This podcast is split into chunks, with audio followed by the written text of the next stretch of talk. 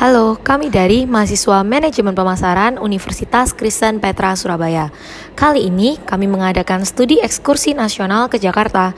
Di sana kami akan mengunjungi perusahaan-perusahaan lalu membahas mengenai strategi marketing yang ada di sana, seperti target market dan keunggulan lain yang menjadi ciri khas dari perusahaan tersebut.